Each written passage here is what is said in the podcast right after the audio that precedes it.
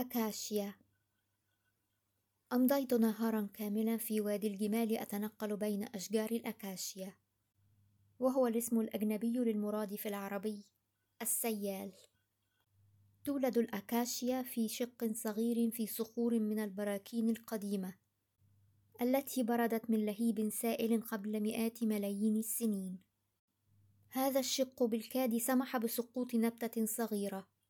وحبة لقاح من أشجار قديمة دفعتها الرياح أو جلبها السيل أو علقت في جسم حيوان مر من هنا في عمق الصحراء.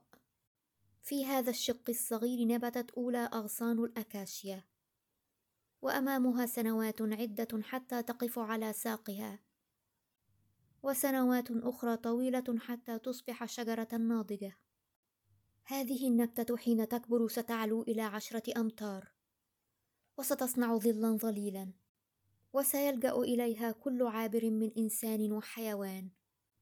ستسكنها الصقور وتلجأ إليها الغزلان والحملان. وقد تسقط يوما صمغا نافعا. وربما استعان بها أحدهم فأخذ منها خشبا لبناء بيته أو مركبا يصطاد به رزقا من البحر. وحتى حينما تسقط أغصانها من الشيخوخة سيجمعها العبادي الذي يجلس بجوارها الآن ليصنع منها فحما للتدفئة والطهي هذه الأكاشيا تعيش طويلا. يقدر العلماء عمرها بنحو 600 سنة. بل وهناك أشجار منها يقول بعض العلماء أنها قد تصل إلى أكثر من ذلك. وربما بلغت الألف عام عمرا.